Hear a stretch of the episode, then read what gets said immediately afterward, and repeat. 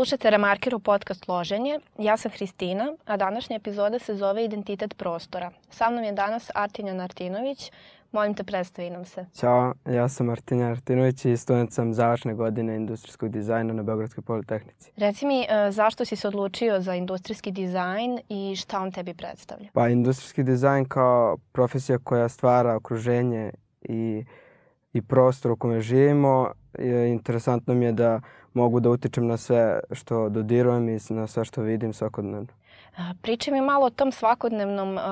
Baš me dosta zanima kako stvari koje su sklopljene i dizajnirane na određeni način utiču baš na tvoju svakodnevicu.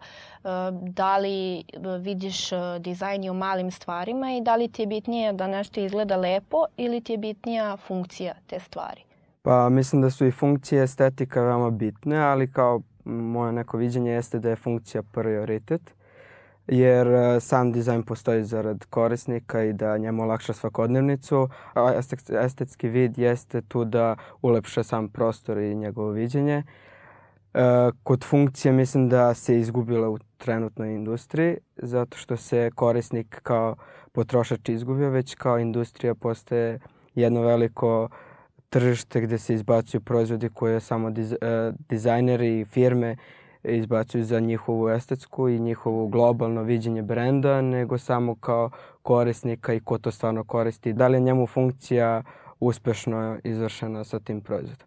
Kad smo pomenuli brend, da li imaš neki omiljeni brend e, bilo čega ovaj, e, I e, zanima me isto kako gledaš na, na te određene brendove koji e, izuzetno forsiraju na svoje estetici. Naprimer, ja sad ne znam baš po nameštaju to da gledam, ali e, znam po nekim e, brendovima odeće, naprimer kad nešto vidiš da je dizel, znaš da je dizel bilo koji može da prepoznaš njihove e, pantalone, njihove čizme, njihove cipele, sve ima istu estetiku Isto tako e, postoje brendovi koji su univerzalni i koji se menjaju i svake godine po sezonama, na primer. E, pa mi reci koji su tvoji omiljeni brendovi i da li ti se dopada to kada određeni brend ima svoju temu i estetiku ili više voliš kada je nešto sezonski i kada se menja? E, pa uglavnom tako i u dizajnu i industrijskom jeste da postoje određene firme koje imaju svoje vrste materijala koje koriste, a samim tim i estetiku koju dobiju sa njima ali po meni najviše se sviđa ta, ta promena, jer mislim da uh, konstantno uklapanje u različite materijale, različite pristupe proizvodnje i samo tome jeste čar dizajna, da svake, svake godine dobijemo neke nove pristupe i nove vidove, novi vid materijala i njego, njegovo korišćenje u prostoru. Uh, moj neki brand jeste, koji mi je uzor u industrijskom dizajnu, jeste Oliver Gustav. E, to je firma, odnosno i dizajner pri kom su različite vrste e, pristupa, odnosno naj, najzastupljenije jeste Wabi Sabi i taj ne, nesavršeni pristup, odnosno finish mm -hmm. nije idealan, nije kao da je izašlo iz fabrike, već je, ima svoje mane koje mislim da svi mi imamo i da to treba da se prenosi na same proizvode. A što se tiče kao brenda i te globalizacije, iskreno sam protivnik, ali sam pristup da ja kao student kasnije krenem jeste da moram da prihvatim neke trendove, odnosno da li je to kolor paleta ili je vrsta materijala koja se sada trenutno najviše koristi, ali mislim da to sad utiče na samo na funkciju proizvoda, odnosno na krajnje korisnika, jer on dobije ono što je, je trenutno na tržištu, a ne ono što je njemu potrebno zaista. Mm -hmm. Izlagao si na Mixer festivalu Pričaj mi malo više o toj izložbi Black Box koja je bila u toku i kako si se snašao, koja je bila tvoja ideja, kako si uopšte došao do tako velikog projekta? Pa Black Box jeste ovo je peto izdanje na Mixeru. to predstavlja 60, ove godine je bilo 60 crnih kutija koje smo svako od nas dobio kako da predstavljamo u stvari temu mrtva priroda. Gde je danas ekologija i u kom je stanju ona trenutno, kao i u svetu, tako i u Srbiji. Moj rad je bio Nacionalni park plastika, gde sam uh, koristio plastične flaše, odnosno dno plastične flaše kao kalup, uh, da izlijem gips i gde sam onda radio topografiju svih nacionalnih parkova u Srbiji. Kao pet e, elemenata prirode u Srbiji koji su i dalje danas donekle u ok stanju, ali mislim da ako nastavimo ovakvim pristupom i svih organizacija u Srbiji, da to neće biti više tako. Tako da sam predstavio uh, u crnoj kutiji koja je bila od plastičnih flaša, koje su bile opet crne boje, koje mislim da jesu kao plastične flaša koje se, koje se ne mogu uh, reciklirati. Mm -hmm. Da su one jedan od najvećih zagađivača trenutno. Uh, sam urad, uh, postavio te se nacionalne parkove koje su stvari bili na dnu plastične flaše. I mislim mm -hmm. da je to jedan nastavak, ako ovako, ovim putem nastavimo, da će naši nacionalni parkovi biti pod, od plastike, od plastike i da. ostrva da. i planina plastike. Znači, u suštini svaki projekat koji radiš je neki uh, projekat sa stavom. Uh, dosta si posvećen ekologiji i zaštiti životne sredine i znam da trenutno razvijaš uh, jedan projekat u okviru NELT edukativnog programa koji se takođe bavi ekologijom. Pa bih hvala da mi ispričaš i o tom projektu, koji su tvoji planovi i uh, šta bi voleo da, da se desi u budućnosti sa uh, tvojim radovima, a šta bi voleo da se desi na globalnom planu i da li misliš da može nešto da se promeni? Da, pa zajedno smo na tom programu NEP 4 i jako mi je drago da sam te tu upoznao i još mnogo dragih ljudi. Meni isto. E, trenutno je, odvojili smo se po grupama i ima nas petoro, šestoro koji radi na zaštiti životne sredine i neki plan jeste da taj projekat e, na kraju dobije svoj sajt ili neku platformu gde će se spajati različite firme ili organizacije koje se bave e, zaštitom životne sredine ili nekim vidom reciklaže. Moje neko viđenje toga jeste da kako iskoristiti materijale koji ih ima u tom E, delu gde se bacaju, a mislim da je trenutno da može da se iskoristi svaki vid otpad, pogotovo u dizajnu i za mm -hmm. neke mlađe generacije kao što su studenti, da taj otpad koriste, a da ne kupuju novi za neke makete ili za neke samo prototipe.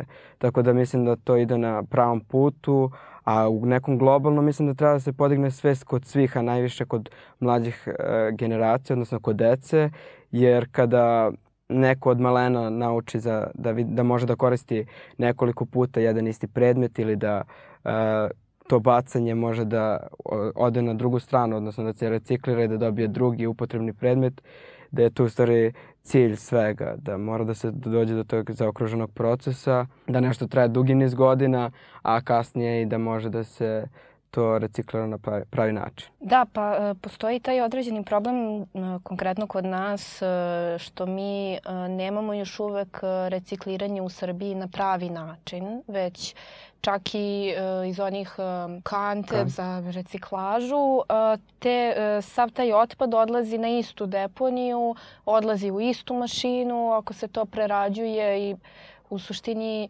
um, mnogi ljudi smatruju da nema ni poente reciklirati ako nemamo sad neki ogroman sistem uh, za uh, kontrolisanje pa, pa tog krajnjem... otpada. E sad, te deponije su zaista ružne i štetne i, ne daj Bože, lako zapaljive. Samim tim, uh, reci mi kako ti gledaš na, na to i da li misliš da ovim projektom možete nešto da promenite, da podignete svest o recikliranju i e, na koji način misliš da bi ljudi mogli da se aktiviraju da odvajaju otpad u svojim domaćinstvima konkretno? Pa generalno e, jeste da taj kao krajnji cilj da to sve ide na istu deponiju jeste poražavajući, ali ako počnemo od početka da krenemo da svima uđe u svest i da kao potrebu svakodnevno da e, odvaja đubre, uh, Jer nije toliko teško. Kada se navikneš na to, zapravo je jedan veoma lak proces jeste trebaju ti tri odvojene da. kante do duše, ali zapravo je e, dosta praktičnije jer e, ti kada pakuješ sve u jednu kantu svaki dan ili dva puta dnevno bataš to đubre, a kada odvajaš otpad nekako imaš ga manje. Naprimer, neko ko se bavi, ja na primer dosta trošim papir, ne zato što želim, nego zato što moram, moram da kopiram radove, moram da ih predajem u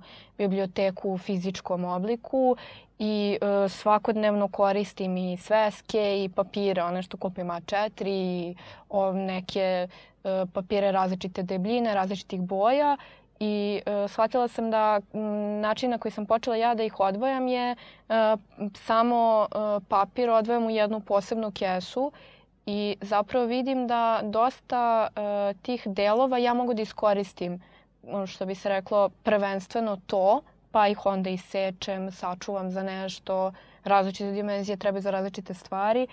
A ove, s druge strane, kada odvajam samo papir, uh, tačno znam koliko sam potrošila, tačno znam koliko mi treba i bude mi dosta lakše nego da sve stavljam na istu gomilu. Da, da. Uh, mislim da treba da se krene od pojedinca, ali kao naše, taj kao projekat koji želimo da radimo jeste da dođemo do tih organizacija koje imaju mnogo veće uh, džubrivo i mnogo mm -hmm. veće količine svega toga, zato što uh, kao pojedinac jeste da ćeš ti rešiti jedan manji problem, ali trebamo rešiti da povežemo sve moguće organizacije koje se bave time ili sličnim poslovima da nekako dođu da stupe u kontakt jedni do drugih. Jer mnogo ljudi ne zna u stvari kako to funkcioniše i da li u stvari njihov otpad može neko drugi da koristi. I to je u mhm. stvari cilj da tom, e, tom platformom dobijamo jedne i druge zadovoljne korisnike, a da što, što manje ima tog uh, otpada i tog uh, bacanja na uh, deponije.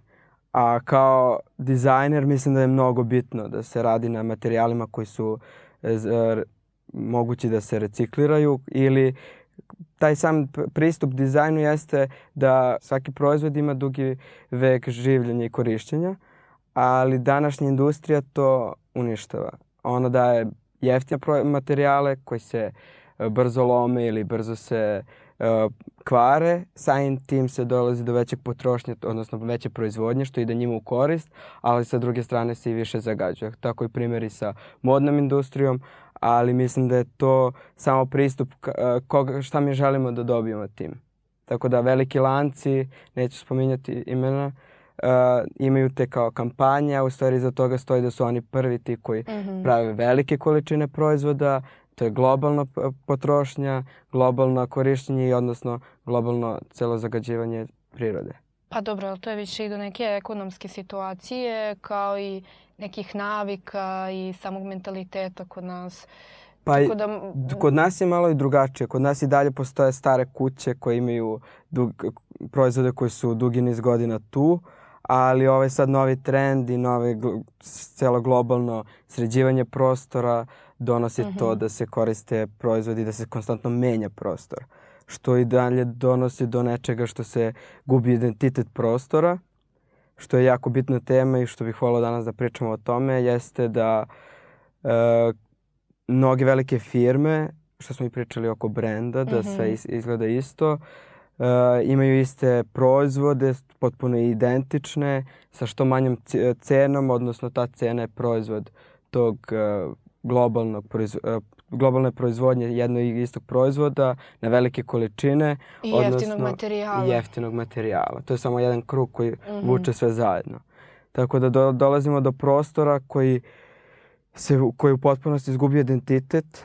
Pa koji je uniformisan i sve izgleda isto. Isto, tako da ulazimo, na primjer, u kafić, imamo isti primjer, iste stolice, kao da uđemo u nečiji stan i tu je sad izgubljen čovek kao korisnik i njegova mm. potreba, da li on stvarno zadovoljan time e, da sedi isto kao u kafiću i da sedi isto kući i da li je to ono što, što ispunjava po meni kao dizajneru jeste okruženje to što je mm -hmm. i na psihološkom pristupu, kako, da li imamo frustraciju zbog nekih stvari. Jer ako ustajemo svaki dan u nekom prostoru koji nije nama prihvatljivo, odnosno nije nama Niti prilagođen, prilagođen potrebama, nama potrebama i estetici, da. To stvara frustracija, kasnije i mnogo nezadovoljstva ko kolektivno. Mm -hmm. Kad smo već kod tih prostora, pričaj mi da li imaš neki omiljeni prostor u Beogradu, uh, neki specijalan kafić ili uh, neku instituciju, da tako kažem, koja je prostorno uređena po tvojoj meri? Pa od kafića ne, nisam neki ljubitelj pretrano tih prostora, odnosno uh, imam ma, bistro mali pijac mm -hmm. je mhm. jako dobro urađen, kao i kafeterija uh, u Kralje Petra, odnosno da. obe su rađene po principu secesije. Mm -hmm. Evo sad radim neki projekat, uh, rekonstrukciju kuće u Vojvodini, pa mi je to bila jedna od inspiracija, ta dva prostora. Ali to su prostori koji su iskoristili staru, uh, stari staro stanje prostora mm. i samo ga uh, renovirali i rekonstruisali sa tim modernim stvarima. Mislim da je to pravi cilj. Mislim da trebamo svi mi da zadržimo naš kvalitet koji smo imali prethodnih godina i, i da ga u samo istoriji i da ga samo sređujemo sa tim nekim novim stvarima. Mislim da nismo mi uh, kao srpska nacija ili kao generalno XU spremni na uh, globalni taj mhm. trend mm. iz uh, globalno sređivanje prostora. Naši način života nije isti kao nekome u Holandiji, kao nekome u Americi i da ti isti proizvodi koji imamo i kod nas na rafovima neće istu funkciju vršiti kao ovde, kao i tamo. Imaš uh, poslastičarnica se zove ovaj, prostor u Maršala Birjuzovoj. Um, vlasnik tog lokala pravi sladoled, domaći sladoled, ima moderni, tradicionalni i sprema italijansku kafu, pošto je, mislim, čini mi se 20 godina radio i žive u Italiji.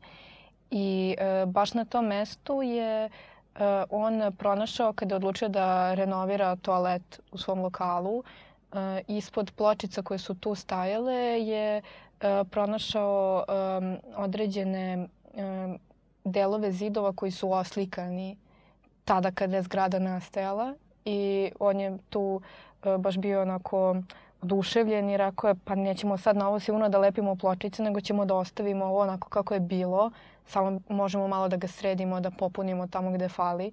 Meni je, na primjer, to fantastično iskorišćen prostor jer je kombinovao modern dizajn, nameštaj na koštrih ivica, ja sad ne znam kako se zove tačno ta, ta, taj pravac u da. uh, dizajniranju ovaj, i pravljenju nameštaja, ali stvarno je fantastičan je to kombinacija starog i novog na, na pravi i ispravan način. Tako pa, da, ovaj, vola bih da čujem tvoje mišljenje o tome to, kada posjetiš to je u stvari, lokal. Po mom nekom mišljenju jeste cilj da iskoristimo ono što smo do sada imali, a da sa novim tehnologijama samo to unapredimo. Mm -hmm. Da nije cilj da se nove tehnologije iskoriste tako što bi se sve staro uništilo da. i zaboravilo, već da se samo unapredi i da se dobije prostor onako kako stvarno nama prija, ono što je u stvari u nekom, neko, nekoj našoj uh, duši, iskrenosti korišćenja samog tog prostora. Baš sam sa Milisom Pekić uh, razgovarala u jednoj epizodi o tome kako E, mnogi e, beže ka tom rušenju i pravljenju novog e, od početka, što bi se reklo from the scratch. A svako zaboravlja da postoji, da postoje ljudi koji zapravo se bave restauracijom i što bi se reklo, popravljanjem stvari onom jednostavnim jezikom i da nešto ako se restaurira može mnogo bolje da ispadne nego da se nešto sruši i napravi novo. Da, jedan primer, evo sada kolektivno u Italiji se radi u svim onim malo zabačenim e, selima u Toskani jeste da se rekonstruišu stare vile kako bi se vratio mm -hmm. turizam u, kod njih, a i da se iskoriste onako kao stanje kako jeste. Mislim da je svima došlo do glave da ono kao da su da. svi hoteli uglančani, da je sve to sjajno. Apsolutno. Mislim da baš ljudi koji idu po tim mestima, na primer e, Toskana, Umbrija, konkretno Italija i ta neka manja mesta da oni baš ne žele da idu u hotel, ne idu na letovanje u Grčku u hotele neke ili u Tursku gde zapravo moraš da odeš u neki all inclusive objekat, već uh, ljudi da koji putuju prirodu. žele da. da osete tamo prirodu, vazduh, čari, ljude koji tamo žive i da odsedaju tamo gde žive ljudi koji su iz tog mesta. Da. Ja mislim da je to isto je to... sad, ja mislim, problem i kod nas u Srbiji, da je turizam otišao na tom gledaći globa, globalnu mm -hmm. scenu, da pravi hotele i te luksuzne apartmane, mislim da je to greška. Mislim da imamo toliko sela i, sre, i elemenata koji bi mogli da ponudimo turistički, a da imaju stvarno dušu i da imaju stvarno priču. Jel?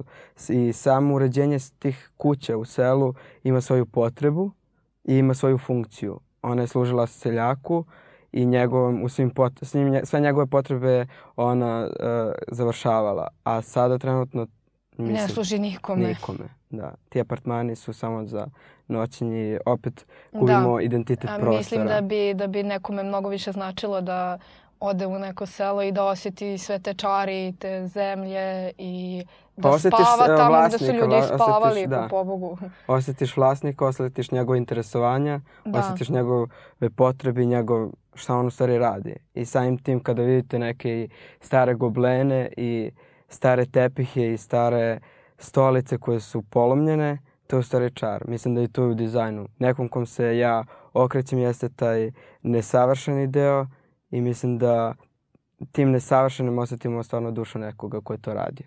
I mislim da se vraća, evo sada sam radio na projektu isto u Novoj Iskri mm -hmm. uh, kod Bojane Porcelan, koja ima svoju radionicu i kada uđete u samu tu radionicu i radnju i vidite nju da ona tu, iako je to prodavnica, to je i studio mm -hmm. i radi, vidimo da se koliko je možete da se povežete sa njom. Možete da se povežete sa proizvodom, sa dizajnerom i mnogo je bitno, mislim da je došlo do toga da dizajner zna da napravi ono što želi. I da je mm -hmm. on, u stvari, donekle majstor tog proizvoda i da on, njegove ruke naprave to, jer mislim da to, tu je ta emocija povezivanja i sa brendom, kao i sa proizvodom. Jer kada vi pijete ujutru kafu iz šolje gde znate da je neko napravio... Specijalno i, za tebe da, i jedna je jedina na I da znate gde, gde je to nastalo i da to neko radio ručno i da je uložio neki trud, ljubav mm -hmm. i mhm. rad, tada, vide, tada imate drugačiji i ukus kafe i ukus Pa i odnos svega. prema životu i prema svetu. Sad baš gledam da dosta se i kod nas vraćaju te, ti mali zanati i zanatlije i meni je to fantastično jer, na primer, ja uh, dugo nisam volila da nosim nakit zato što mi je svaki nakit bio isti. I sad kako su se pojavile te neke uh, ti neki naši brendovi koje pratim na Instagramu i prodaju se um, ima jedna radnja koju ja mnogo volim, zove se Fab Living i smeštena je u jedan ogroman stan u Krunskoj u zgradi u kojoj je živela naša poznata glumica Ružica Sokić. I stvarno kad uđeš u tu zgradu osjetiš taj neki, već osjetiš uh, neku specijalnu energiju, a da ne pričamo o tome kad uđeš u taj stan, uh, pogotovo što žena koja je i dizajnirala taj prostor i koja ima svoju kolekciju i koja pronalazi te uh, male radnje koje se bave pravljenjem nakita, odeće, torbica, nameštaja svega i svačega, apsolutno. U radnji možeš da nađeš sve što poželiš i ona je uvek u radnji. I kad sam pričala sa njom, ona mi je rekla, kaže, ja sam birala ono što bih voljela da imam u svom stanu i što bih voljela da vidim kod nekoga. I stvarno osjetiš da je to onako ručno birano i ručno rađeno i meni je to fantastično što se vraća ponovo kod nas. Pa svudo i globalno, zato što je, mi mislim, prezasitilo se svega, jer kao može svako od nas da ode i da kupi Ikeu. bilo koji Ikeu i da stavi u svoj prostor, ali neće ništa osetiti, jer to je napravila mašina, transportovala je, došla je i opet je transportovala do svog stana i u svom tom procesu nema ni jednog živog bića koje je mhm. došao i nešto rekao, zbog čega je to radio, koji je cilj njegovog proizvoda, šta je uložio u to trud, ljubav pod brojan. I onda samim tim uopšte ne možemo da se povežemo sa tim, a samim tim i u prostoru ne možemo da se povežemo. A mislim da je kada živite u prostoru u kome je sve ima svoju priču, mm -hmm. ima deo vas kao i drugih ljudi, da je to u stvari idealan. Da, pa i drugačiji je pogled na svet, isto što smo pričali kada imaš sve iste šoljice od određene kompanije koja će ti napraviti još hiljadu takvih šoljica, ne osjećaš ništa prema njima, što bi se rekao, disposable su. Znači, možeš da ih polomiš, možeš da ih baciš, možeš da radiš sa njima šta god želiš, a kada imaš određeni broj stvari gde znaš da postoji određena količina, ti zapravo bolje trošiš i svoje vreme i uh, svoj novac uh, i zapravo prilagođavaš sve što kupuješ svojim mogućnostima, što je jako lepo jer onda se, opet uh, da se vratimo na otpad, ne baca toliko jer prosto više e, pažnje ulažeš u svoje svakodnevne rituale, oču, trudiš se da očuvaš tradiciju i samim tim e, sa više pažnje postupaš prema određenim predmetima, proizvodima i stvarima oko sebe. Da, to je cilj, da to su deo nas. Sve oko nas je nekako uh, trebamo da gledamo kao neke svoje stvari. To je taj identitet da. koji mi dajemo prostoru ili stvarima koje nas okružuju i koje koristimo svakodnevno. E sad, kada bi se taj koncept prilagodio i prema gradu u kom živimo, opštini, samoj planeti, onda bismo svi bili na mnogo boljem mestu i planeta da. bi bila na boljem mestu. Da, skoro sam ti poslao poruku šta je za tebe budućnost i gde sebe vidiš. E, to je neki možda moj budući rad, jeste da sam, kako sam ispitivao tako ljude koje znam i ko, s kojima se družim, vidio sam da niko budućnost ne gleda kao mesto svih nas, nego gleda budućnost kao mesto gde sebe kao Pa do duše napisao si gde ti sebe vidiš. Pa okej. Okay. Znači svi gledamo kao sebe, kao budućnost kao pojedinca, neš, mesto gde se sve naše želje i potrebe ostvaruju, a u stvari moja budućnost je usko povezana sa tvojom budućnošću. Zato što ako ja nešto učinim za našu budućnost, mm -hmm. osjetit ćeš i ti i osjetit će neko pored mene i mislim da je to u stvari problem da mladi uopšte ne gledaju budućnost kao nešto gde smo svi zajedno kolektivno i da trebamo da promenimo stvari na kolektivnom nivou, već gledamo kao da se isključimo od svih i kao mi smo sami. Mislim da mm -hmm. pojedinac je nesto, da se opet vraćaju komune i da se vraća grupa ljudi i što mi se jako sviđa. Jer možda je nestala porodica, ali se vratio taj princip plemena. Komunalnog i zajedničkog. Zajedničkog. To je dosta zanimljivo i men, mene to isto raduje jer ja volim uh, timski rad, volim da radim sa više ljudi. Um, ponekad me dosta izmori kada radim nešto potpuno sama. Ne zato što ne volim to da radim, ali jednostavno uvek gledam da sve što ja pravim, pišem, ima neki viši cilj da služi sa što više ljudi da koristi to nešto da što ja radim. Da. Ali ako se sećaš, ja sam ti rekla, mislim, uhvaćao si me u nezgodnom trenutku pisanja diplomskog, ali moja budućnost, s obzirom da sam pomalo pesimista, je uvek ta neka distopijska. Valjda zato što um, kada uzmem da razmišljam o tome, uvek razmišljam o najgoroj mogućoj opciji da bi me obradovala bolja opcija od te koju imam u glavi. Ali da, kada bi, kada bi zapravo bili nekoliko godina ili decenija napred, moj odgovor bi bio mnogo gori. Jer zapravo to, da smo svi u tom jednom bunkeru i čekamo da izađemo i nemamo vazduha je neki odgovor koji, Možda koji ću daleko od istine. uvek svima dati. Jer prosto nekad ne vidiš izlaz iz tako nekih svakodnevnih stvari koje, koje te okružuju i, ljude koji se ne trude. Baš zato uh, i ja i forsiram to na tom pojedincu da ok, ako velike kompanije, to će se uh, procenat smanjiti, sve je to super, ali opet sve to treba da krene od nas. I ta komuna ako uh, postoji, ako ljudi uh, gledaju sve zajedničko, divno, da, ali na kraju dana ti pereš sudove tu, tu noć. Neko će da pere sutradan ali moraš i ti da doprineseš nešto svoje. Da, ta u stvari potreba je u stvari odgovornost. Mislim da, da je odgovornost da, nestala. To. Da svi živimo kao da nemamo odgovornost ni za šta, da sutra će nešto nestati, da će ili će da se stvori, a da niko nije odgovoran u stvari kao što i kažeš kart, uh, budi odgovoran kao tvoja odgovornost, tvoja govna. Pa da. da, to je u stvari, ja mislim, najbitnije. Pa da, ali ljudi kada shvate da treba da budu odgovorni prema sebi, eh, onda moraju da shvate da treba da budu odgovorni prema drugima i da ne samo prema drugima, prema ljudima koje oni poznaju, već prema svim ljudima ikada koji ovde žive, jer svi zajedno živimo. Da, to je u stvari, ja Isti mislim, život zapravo. Cilj da smo svi pomoću i društvenih mreža ostvarili kao svako ima svoj profil, a u stvari svi smo mi nekako zajedno. Sve tvoje, tvoj rad, evo sada sam ja kod tebe, je pre, prešao na moj rad, Absolutno. moj rad je prešao kod tebe i to je sad stvari skup svih kvalitetnih stvari. Pa umrežavanje je budućnost, da. da. Mislim, to je ostale ovaj, zemlje su to prepoznale mnogo pre nas, ali, ali dobro, tu na dobrom smo putu. Da.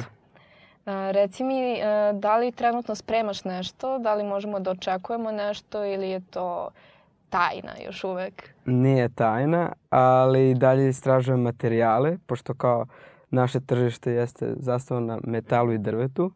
I št, kad god nešto pomisliš da kreneš da uradiš drugačije ili da nešto probaš novo, sačekate zid. Ali mislim da ću uspeti da probam da izađem malo iz komfort zone u kojoj sam trenutno i radim na uh, kolekciji nameštaja koja sadrži 100 uh, policu i dalje vidjet ćemo šta. Ali radim opet, to je to održivo. Može da se sedi na stolu. Stolu, da, uvek. I gledam da što manje imam, to je ceo koncept jeste da nema lepljenja i da nema nekako šrafljanja, već samo uklapanje, dva materijala i da može da se transformiše. Mm -hmm. Odnosno sam taj stok koji radim jeste, ima tri visine i samo pomeranjem konstrukcije dobijate visinu koja vam odgovara. Fantastično. Tako da mislim da je prostor koji je nešto što me sada inspiriše mnogo mm -hmm. i kako možemo da koristimo prostor kao čist prostor i kako da sa nekim stvarima možemo da dobijemo transformaciju prostora po potrebi. Artinjane, mnogo ti hvala što si bio danas u ovoj epizodi. Hvala tebi što si mi pozvala i srećno u daljem radu. Hvala.